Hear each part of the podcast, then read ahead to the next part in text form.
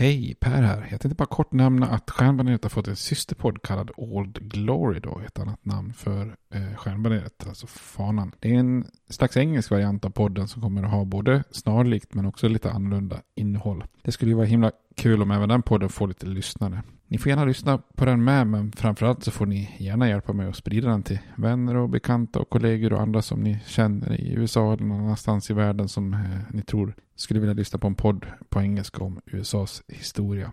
Tack, det var bara det jag ville säga. Nu kommer avsnittet. Hej då! Normally, being a little extra might be a bit much, but not when it comes to healthcare. That's why United Healthcare's Health Protector Guard fixed indemnity insurance plans, underwritten by Golden Rule Insurance Company, supplement your primary plan so you manage out of pocket costs. Learn more at uh1.com. Ready to pop the question? The jewelers at BlueNile.com have got sparkle down to a science with beautiful lab grown diamonds worthy of your most brilliant moments. Their lab grown diamonds are independently graded and guaranteed identical to natural diamonds, and they're ready to ship to your door. Go to BlueNile.com and use promo code LISTEN to get $50 off your purchase of $500 or more. That's code LISTEN at BlueNile.com for $50 off. BlueNile.com code LISTEN. Burrow's furniture is built for the way you live. From ensuring easy assembly and disassembly to honoring highly requested new colors for their award winning seating, they always have their customers in mind. Their modular seating is made out of durable materials to last and grow with you. And with Burrow, you always get fast, free shipping. Get up to 60% off during Burrow's Memorial Day sale at burrow.com slash ACAST. That's burrow.com slash ACAST. burrow.com slash ACAST.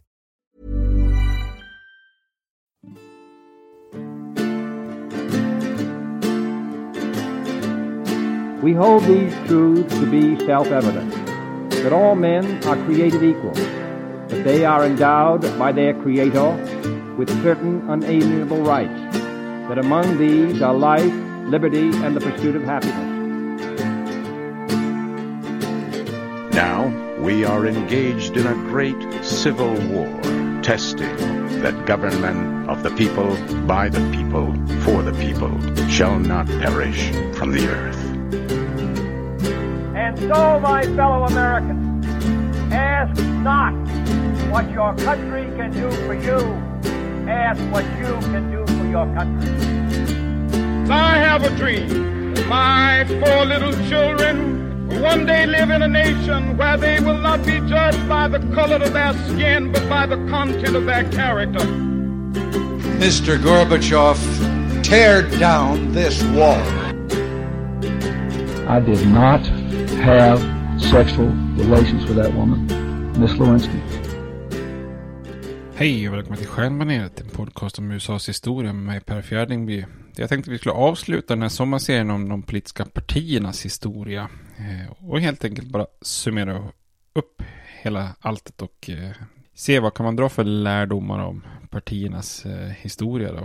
eh, Utifrån det vi har pratat om. Vi har gått igenom de sex partisystemen som man brukar kalla, prata om och även idealet och tiden innan politiska partier Eh, uppstod. Då. Och det finns vissa gemensamma nämnare och vissa saker som man kan se som eh, har varit bestående över historien och det finns vissa mönster av förändringar som man kan följa genom historien. Jag tänkte att vi skulle prata om idag för att liksom summera hela serien.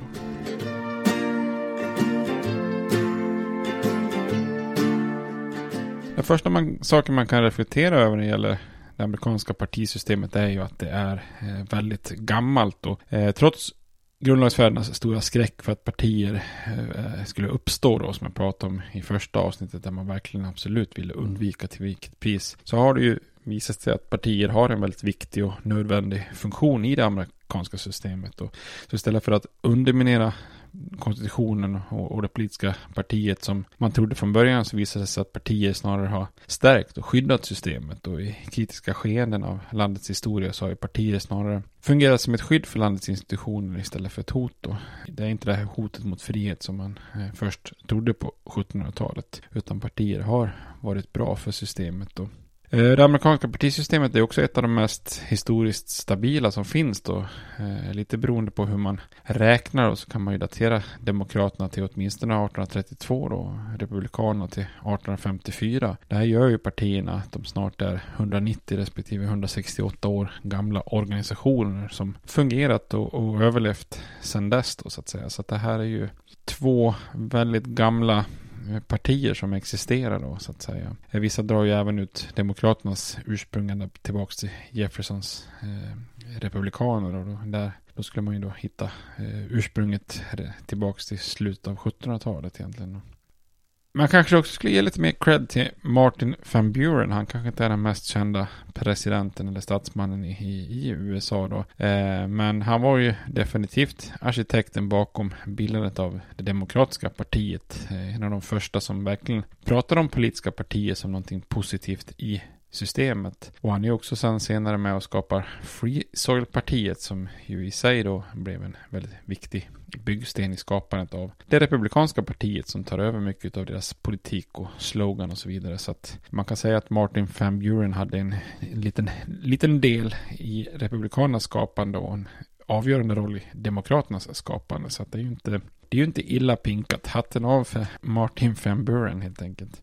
Man kan ju också se en röd tråd. Det kan låta konstigt med tanke på hur mycket partierna har liksom förändrats över tid och så vidare. Men, men eh, och där får man också ge lite eh, cred till partierna att både Demokraterna och Republikanerna har ju varit väldigt duktiga att anpassa sig över tid och överleva då. Man har ju utsatts för kriser och långa perioder av, av att vara minoritet i opposition och utmanare i form av tredje partier men ändå överlevt och, och gjort comeback förr eller senare då. Eh, och båda partierna har ju flera ideologiska aspekter och sett det polit politikens innehåll gått från en extrem till en annan och tillbaka flera gånger om egentligen då. Men trots det kan man ändå se en slags röd tråd eh, där även om politikens innehåll eh, förändras och geografiskt stöd och sånt förändras så finns det några gemensamma nämnare som ändå på något vis är konstant med partierna då så att säga. Eh, Republikanerna är ju partiet för det så att säga typiskt amerikanska, vita protestanter då, medan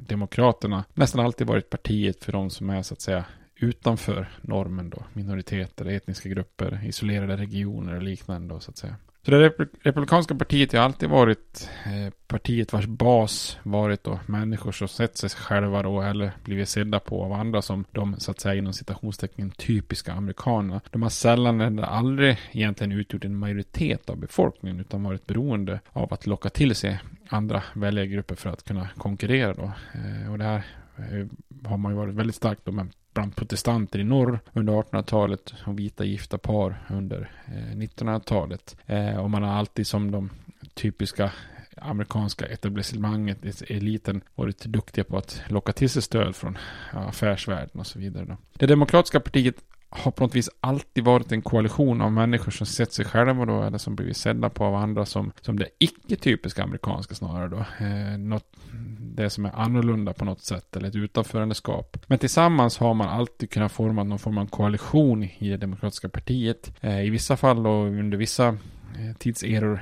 oerhört heterogena konstiga sammanslutningar av koalitioner. Men tillsammans så har de här koalitionerna oftast representerat en majoritet av väljarna. Det, det gäller bara för Demokraterna att få ihop koalitionen, annars, annars förlorar man då mot Republikanerna. Då. Typiska sådana koalitioner har ju varit slavägare i södern då i koalition med lokala bossar i norr på 1800-talet då. Eh, eller rasisterna i södern och katolikerna i storstäderna och immigrantgrupper eh, och afroamerikaner i norr och jordbrukare på 1900-talet som har varit olika typer av eh, koalitioner då.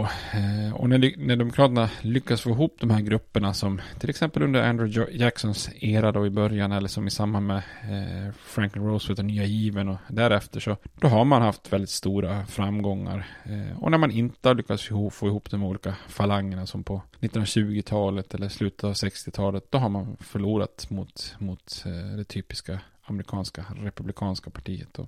Man kan också dra ut trådarna mellan olika partier fram till Demokraterna och Republikanerna och se en slags röd tråd där man ofta lägger stor vikt vid de ideologier som Hamilton och Jefferson en gång stod för. Ibland kanske man överdriver men mycket av amerikansk politik går ju på något vis att Eh, hänvisa tillbaks till de, de grundläggande debatterna och ideologierna som Hamilton och Jefferson stod för. Då. Eh, och de mer populistiska och lokalt fokuserade revolutionärerna eh, var ju oftast de som blev antifederalister, alltså motståndare mot konstitutionen 1787. Och de flesta antifederalister blev ju sen Jeffersonska republikaner och de flesta republikaner blev ju sen Jackson-demokraterna.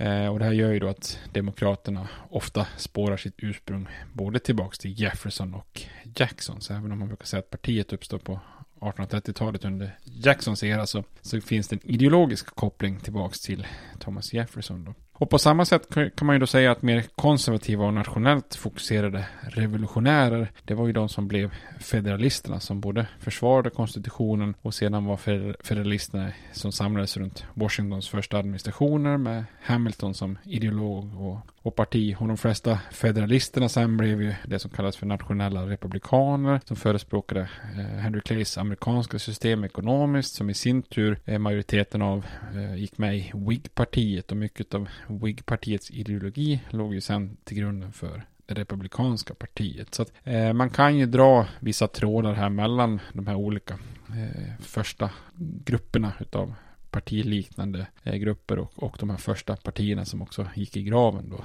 fram till och med till Demokraterna och Republikanerna.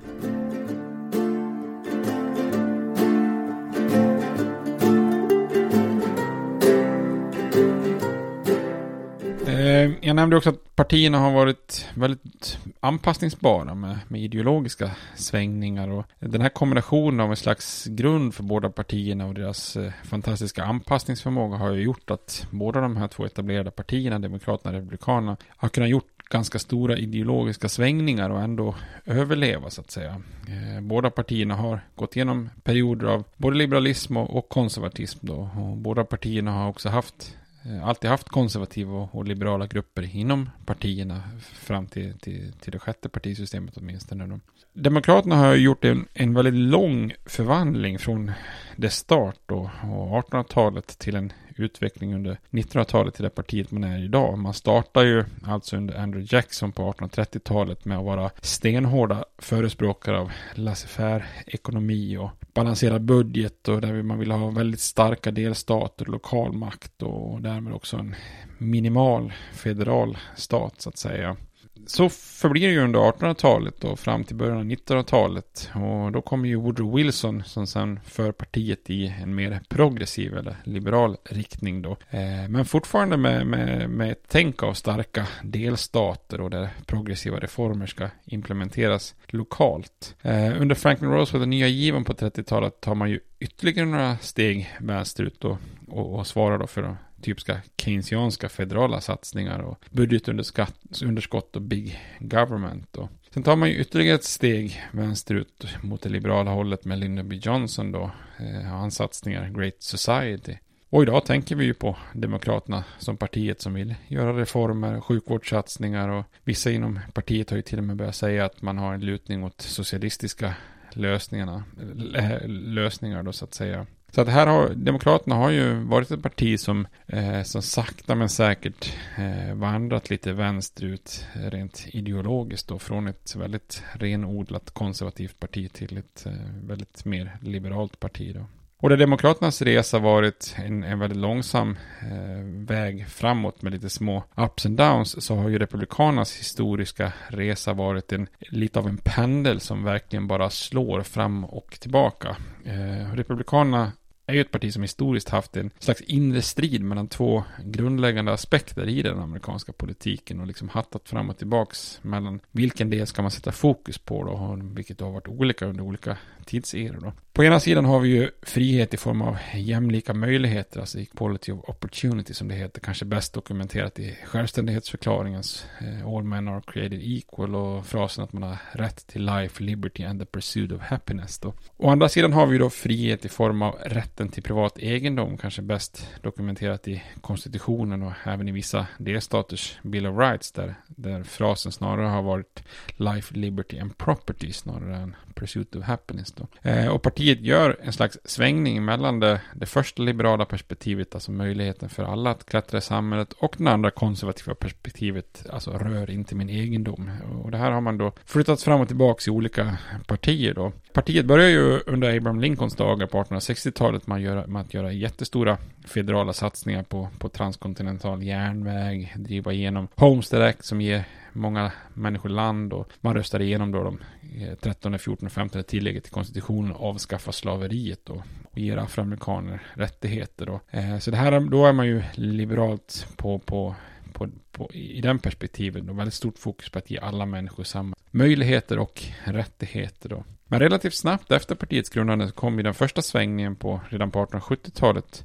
Där fokus skiftar från då demokratiska ideal och ekonomisk möjlighet för alla till att bli fokus på privat ägande. Och partiet blir ju verkligen då partiet för big business och de rika industrimagnaterna och näringslivsbossarna och eliten med pengar då. Eh, och partiet kan ju då eh, fortfarande liksom förespråka federala ingripanden men i princip alltid som, som skydd för näringslivet. Men sen fortsätter ju partiet med de här svängningarna för sen kommer ju en svängning oerhört snabbt tillbaks då eh, under Teddy Roosevelt och William Taft då, under den här progressiva eran. Då genomför man ju helt plötsligt mängder av progressiva reformer inom demokrati, välfärd, antitrustbekämpning som verkligen då är helt plötsligt är anti-big business jämfört med, med, med pro-business-stödet från i slutet av 1800-talet. Då. då är partiet helt plötsligt det partiet som återigen då attackerar koncentrering av rikedomar och sin elit och vill skapa möjlighet för alla människor att utvecklas då. Men den progressiva eran Äh, tar ju slut efter första världskriget och på 20-talet, ja då svänger partiet tillbaks igen då under Harding och Coolidge och Hoover.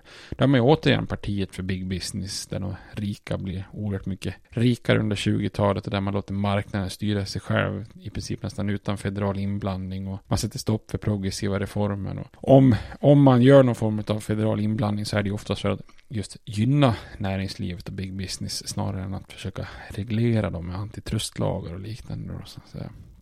Efter Republikanernas kräftgång på 30 och 40-talet så dammar ju de liberala republikanerna eh, under Eisenhower-åren av Lincolns gamla dröm om jämlikhet och kunna klättra i samhället ekonomiskt och för, för att då sen sedan vända, till, vända perspektivet och spika det konservativa som spiket i kistan på 80-talet med, med Reagan och hans ekonomiska program som återigen då ökar de ekonomiska klyftorna igen då så att säga. Så på sätt och vis kan man ju säga att Republikanerna eh, ur ett perspektiv aldrig riktigt lärt sig då. Eh, alla deras perioder av fokus på, på big business leder nästan alltid till någon form av finansiell kollaps så att man helt tappar makten till Demokraterna. Den första konservativa perioden eh, under den förgyllda eran ledde fram till paniken 1893. Nästa period, det glada 20-talet med stöd till big business slutar ju med börskraschen 29 och den stora depressionen. Och den senaste eran då med, med Reagan och Reaganomics slutar på något vis med, med kraschen 2008 då så att säga. Och det som är intressant nu är ju att Republikanerna inte svängt tillbaka eh, mot det liberala hållet utan egentligen bara fortsatt högerut. Så här kanske i modern tid kommer ett slags trendbrott för Republikanerna. Eh, efter den här ekonomiska krisen 2008 så har det ju bara fortsatt åt, åt högerut. Då. 2009 kom ju den här ultrakonservativa Tea Party-rörelsen. Det massiva motståndet mot eh, Obamas presidentskap följt av en populistisk svängning och ett parti i princip kapat av, av, en, eh, av populisten Donald Trump. Då. Men just de här ideologiska svängningarna i partiet mellan liberalism och konservatism gör att det ibland blir lite rörigt när man ser tillbaka i historien på republikanerna. Eh, alltså vissa republikanska presidenter som Abraham Lincoln och Teddy Roosevelt och Dwight Eisenhower hade kanske med dagens mått mätt varit betydligt lättare att placera som någon slags moderata demokrater. Eh, samtidigt som demokratiska presidenter som James Buchanan eller Grover Cleveland hade kanske varit betydligt lättare att placera som någon slags moderata republikaner med dagens mått mätt då. Och en sån som Andrew Jackson kanske i det närmaste hade kunnat sett som någon slags libertarian utifrån hans syn på den federala staten och, och ekonomin då så att säga.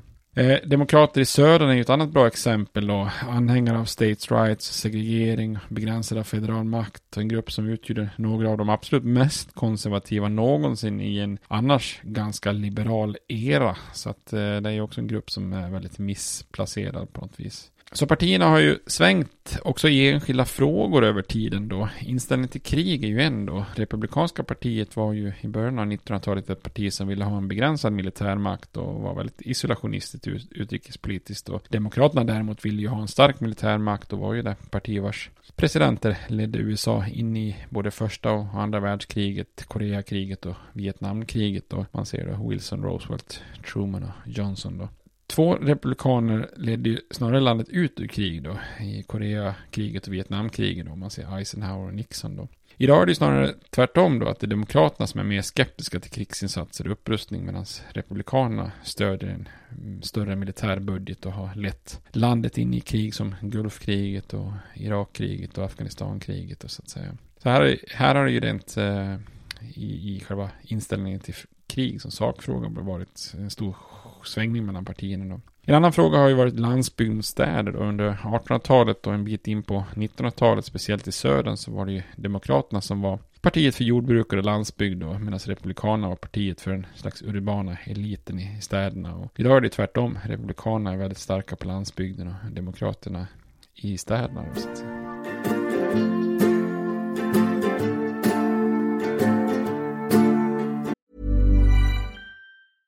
Mother's Day is around the corner. Find the perfect gift for the mom in your life with a stunning piece of jewelry from Blue Nile. From timeless pearls to dazzling gemstones, Blue Nile has something she'll adore. Need it fast? Most items can ship overnight. Plus, enjoy guaranteed free shipping and returns. Don't miss our special Mother's Day deals. Save big on the season's most beautiful trends. For a limited time, get up to 50% off by going to Blue BlueNile.com.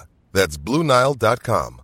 Hiring for your small business? If you're not looking for professionals on LinkedIn, you're looking in the wrong place. That's like looking for your car keys in a fish tank. LinkedIn helps you hire professionals you can't find anywhere else, even those who aren't actively searching for a new job but might be open to the perfect role. In a given month, over 70% of LinkedIn users don't even visit other leading job sites. So start looking in the right place. With LinkedIn, you can hire professionals like a professional. Post your free job on linkedin.com slash people today.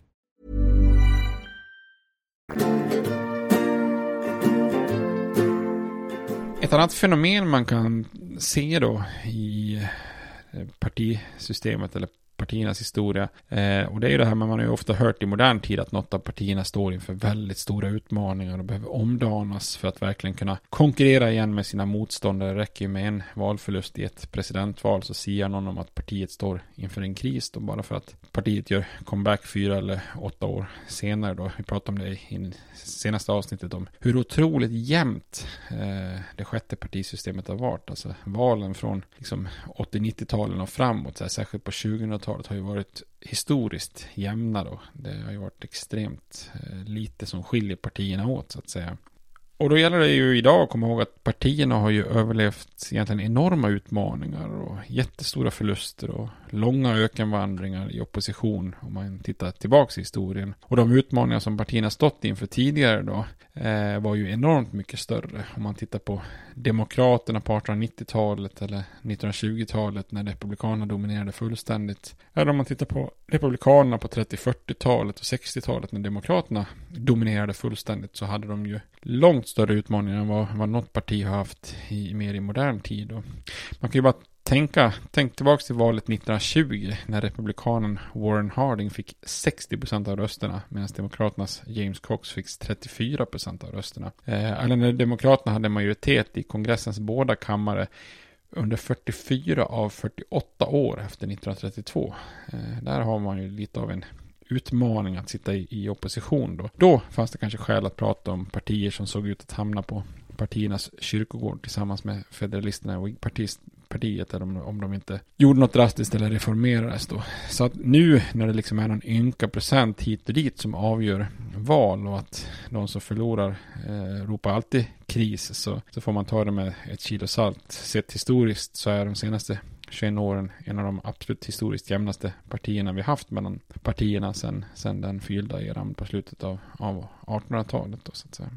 Något annat som jag hoppas har framgått i den här serien är ju tredje partiernas inflytande idag tar vi ju i princip Demokraterna och Republikanerna som givna eftersom de överlevt så länge. Eh, och man kan lätt tänka sig att det bara är Demokraterna och Republikanerna som har format USA. Men även tredje partier har ju format USAs historia på många olika sätt. Ofta säger man att tredje partier är omöjliga, men det är ju också så att under rätt förutsättningar så kan ju tredje partier utmana rejält till exempel. Eh, Republikanerna till exempel slog ut och lyckades ersätta Whig-partiet. Eh, populisterna som var ju nära att konkurrera ut Demokraterna på 1890-talet. Och det progressiva partiet gick ju väldigt starkt 1912. Eh, då Roosevelt fick betydligt större stöd än republikanen Taft. Eh, och hade inte första världskriget kommit emellan så kanske, kanske det progressiva partiet hade ersatt republikanerna då så att säga. Eh, och här var ju också många som funderade på om Trump skulle starta ett tredje parti. Och hade han gjort det hade det säkert kunnat vara en väldigt stor utmaning mot Republikanerna. Men även om inget tredje parti lyckas liksom utmana på allvar efter det progressiva partiet på, på 1920-talet så kan man ändå konstatera att det i många fall, eh, att tredje parti i många fall haft väldigt stort inflytande ändå på exempelvis att sätta dagordning eller att knuffa något av de etablerade partierna i, i någon riktning då så att säga. Tittar man tillbaka på det antifrimurarpartiet, Anti-Masonic Party, sätter ju till exempel standarden med partikonvent, eh, Liberty Party och Free Soil Party Eh, är ju föråkare kan man säga till Republikanerna som, som för de här två partiernas politik vidare då. Eh, det populistiska partiets förslag om en federal inkomstskatt skulle exempelvis till slut drivas igenom som ett konstitutionellt tillägg av, av Demokraterna och populistiska partiets förespråkarna av, av, av, silver som valuta tas ju också över av Demokraterna. Eh, och det progressiva partiet lämnar ju mängder av arv efter sig. I princip påverkar ju partiet hela det politiska valsystemet med hemliga röster och folkomröstningar och direktvalda senatorer och så vidare. Ross Perot och hans Reform Party förde ju upp budgetunderskattet som en viktig fråga i början av 90-talet. Men det var ju demokraten Clinton som sen i praktiken var den som sen balanserade den federala budgeten. Då. Och många, många gånger formas ju landet inte enbart av de som har makten utan också av oppositionspartierna. Och det här börjar ju väldigt tidigt. Ett bra exempel är ju de så kallade antifederalisterna och senare Jeffersons republikaner som formar landet och konstitutionen nästan lika mycket som federalisterna under de här formativa åren 1787 fram till 1800 trots att man eh, är motståndare till konstitutionen och motsätter sig federalisterna då, så att säga. Och det blir ju intressant att se om något tredje parti kan komma och konkurrera på allvar fram, framöver. Eh, får man någon slags regional förankring är det ju inte omöjligt, tvärt vad, vad många tror då. Om ett tredje parti ska, ha, ska vara starkt så måste man ju vinna i, vissa lokala val. Eh, vinner man dessutom val till representanthuset i ett antal delstater med kanske liten befolkning så har man ju också möjlighet att kontrollera relativt många delstatsdelegationer i kongressens representanthus. Och det är ju viktigt för om, om ett presidentval hamnar i, i eh, representanthuset så röstar man ju med en röst per delstat. Och då kan ju ett sådant parti få väldigt stort inflytande. Eh, och att ett val hamnar i representanthuset eh, är ju inte helt ovanligt. Om, om en tredje part partikandidat vinner ett antal elektorsröster i sin, om de är starka i viss region då, samtidigt som Demokraterna och Republikanernas kandidater är jämnstarka och, vinner cirka lika många elektorsröster, då kan ju valet hamna i representanthuset när, när ingen får majoritet. Det krävs ju fortfarande att någon kandidat får 270 elektorsröster av 538 för att det inte ska, för att det ska avgöras på en gång då. Eh, och många val har ju varit väldigt jämna. Eh, så säg att en tredje partikandidat vinner 20 elektorsröster och de två andra kandidaterna får till exempel 265 eller och mot 253 eller någonting sånt där så är ju vips valet i representanthuset. Det var ju väldigt nära i valet när George Wallace eh, utmanade till exempel då eh, när Nixon vann. Det var inte, hade Nixon förlorat någon ynka delstat till, till Wallace så hade ju Nixon inte fått eh, så hade ju det valet kunnat hamnat i representanthuset då. Så ett tredje parti är kanske inte alltid så långsökt och skulle ju med största sannolikhet enbart leda till ett nytt tvåpartisystem om något parti tar över så att säga.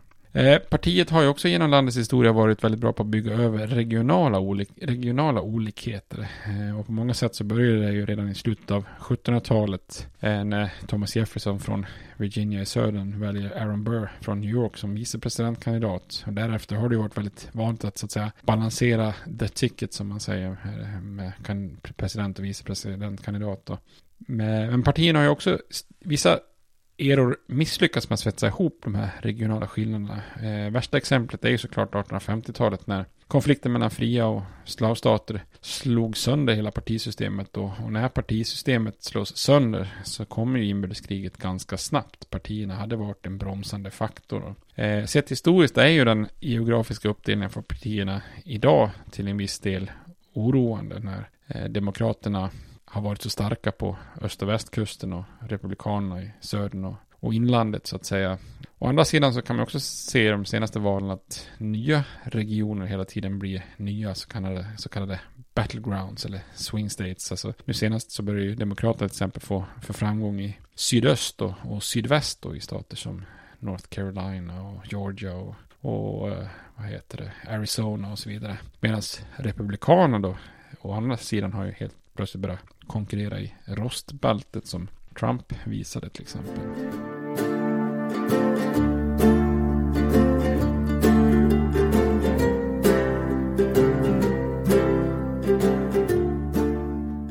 Ser man på partisystemet idag, då, så idag pratas det väldigt mycket om polarisering som då är kanske en fortsättning eh, utav den här ideolog ideologiska renodlingen som jag pratade om i förra avsnittet. Att Demokraterna blivit allt mer liberalt och, och eh, Republikanerna allt mer konservativt. Då. Men polaris polarisering menar man ju då att avståndet mellan partierna blir större och större. Eh, att den ideologiska skillnaden, att man hamnar allt längre ifrån varandra. Och det är väldigt lätt att uppfatta polarisering som att de båda partierna rör sig i varsin riktning ifrån varandra. Eh, det tycker jag är en väldigt felaktig beskrivning. Alltså det som skett är ju snarare att demokraterna stått still eller, eller liksom eh, nästan rört sig lite högerut eller lite fram och tillbaks. Men samtidigt som det ju är republikanerna som hela tiden ökar avståndet och rör sig oerhört snabbt högerut. Då. Eh, stormningen av kongressen på, på uppmaningen av en avgående republikansk president och, sedan eh, som sedan har accepterats av partiet gör ju att republikanerna i princip korsat linjen ut till ett otroligt högerextremt fält då på något vis. Och den här ideologiska renodlingen av partierna över, över, har ju över tid spelat en väldigt stor roll då. Demokraterna har ju få konservativa och, och republikanerna i princip inga liberala väljare längre, eller partimedlemmar. Man kan ju dra ut linjer ur ett ideologiskt eh, synvinkel, så då har ju Republikanerna från egentligen Barry Goldwater via Ronald Reagan och Tea Party till Trump blivit ett väldigt ultrakonservativt parti med väldigt mycket populistiska och nästan odemokratiska inslag då så att säga. Eh, Demokraterna hade ju en period där man snarare gick mot mitten från en liberal sida då, både Jimmy Carter och Bill Clinton och delvis eh, Obama och Hillary Clinton, även om inte hon vann, eh, var ju betydligt mer utav en mittenpolitiker än vad till exempel Franklin Roosevelt eller Lyndon B. Johnson eh, varit som kända för sina stora reformperioder. Nu har man ju pratat om att Biden eh, som, som, nästa i raden efter Roosevelt och Johnson eh, som vill driva igenom stora reformer men det, det, det, kan man ju tvivla på att det skulle bli någon ny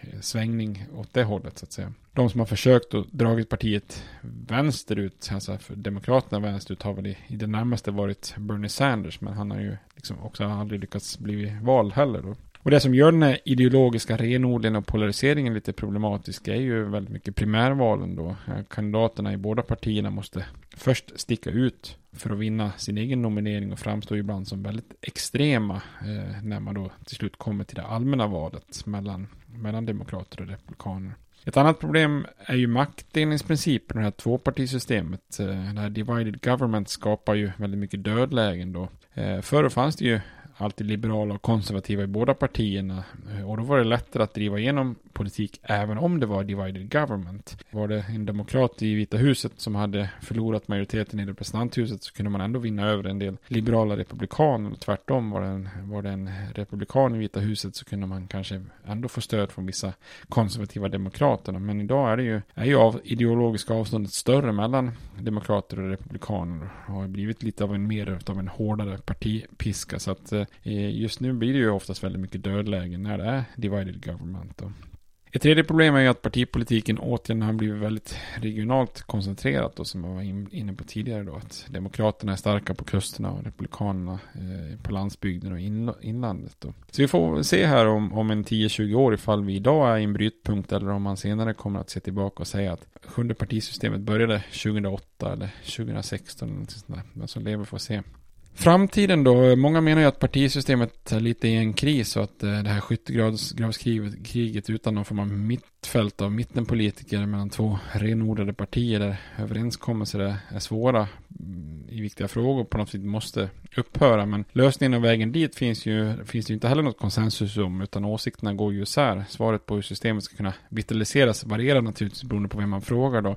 Vissa vill ju se en återgång till ett tvåpartisystem som skulle fungera bättre om partierna inte var så renodlade ideologiskt och regionalt och att båda partierna skulle kunna konkurrera i flera regioner och bestå av olika grupper på den ideologiska skalan, både moderata och konservativa, så att det blir lättare att återigen hitta, hitta då lösningar över partigränserna. En åtgärd som skulle kunna hjälpa den riktningen var ju, skulle ju vara att avskaffa primärval. Tanken med, med de här, som de progressiva hade ursprungligen var ju att ge mer makt åt väljarna över partiernas interna nomineringsprocess eh, då än att partigrupper, så kallade caucus eller något liknande partikonvent skulle ha makten då.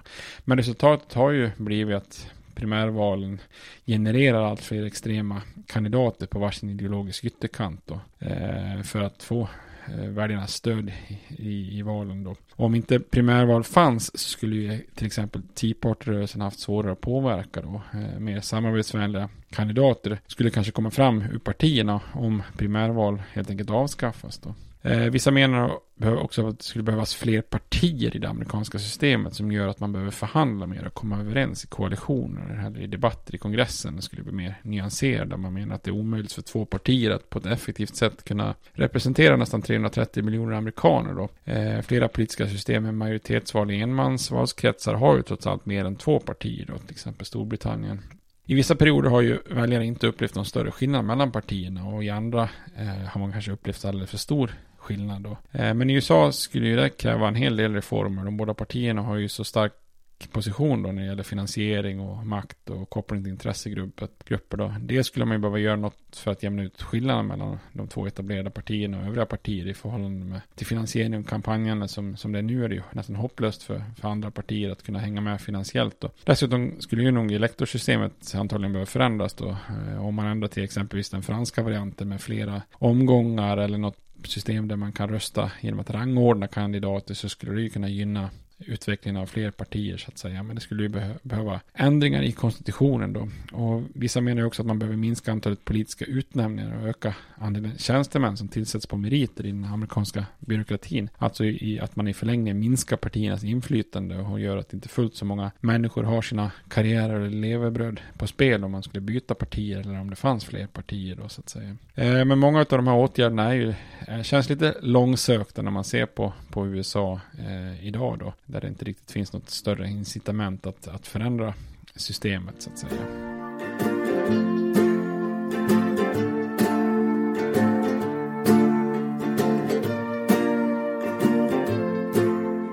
Men som vi ser då så fanns det en hel del röda trådar och, och, saker att fundera på när det gäller de politiska partiernas historia. Jag tänkte avsluta den här serien nu och hoppas att ni har fått bra koll på de politiska partierna och dess utveckling över eller genom historien då.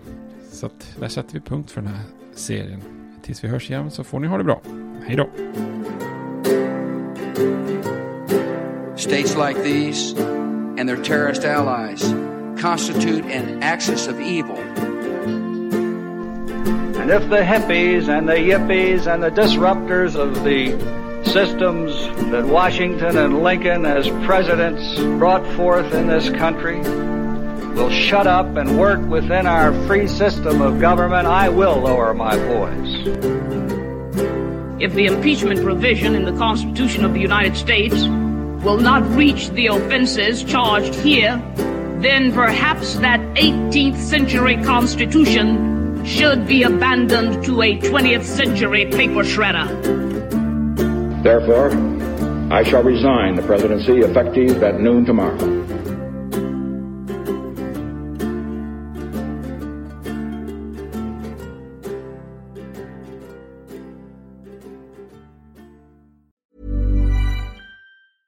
A lot can happen in the next three years. Like a chatbot may be your new best friend. But what won't change? Needing health insurance. United Healthcare Tri Term Medical Plans are available for these changing times Underwritten by Golden Rule Insurance Company, they offer budget-friendly, flexible coverage for people who are in between jobs or missed open enrollment. The plans last nearly three years in some states, with access to a nationwide network of doctors and hospitals. So for whatever tomorrow brings, United Healthcare Tri-Term Medical Plans may be for you. Learn more at uh1.com. Planning for your next trip? Elevate your travel style with Quince. Quince has all the jet-setting essentials you'll want for your next getaway, like European linen, premium luggage options, buttery soft Italian leather bags, and so much more. And it's all priced at 50 to 80% less than similar brands. Plus, Quince only works with factories that use safe and ethical manufacturing practices. Pack your bags with high-quality essentials you'll be wearing for vacations to come with Quince. Go to quince.com slash trip for free shipping and 365-day returns. Hi, I'm Daniel, founder of Pretty Litter. Did you know cats tend to hide symptoms of sickness and pain? I learned this the hard way after losing my cat, Gingy. So I created Pretty Litter,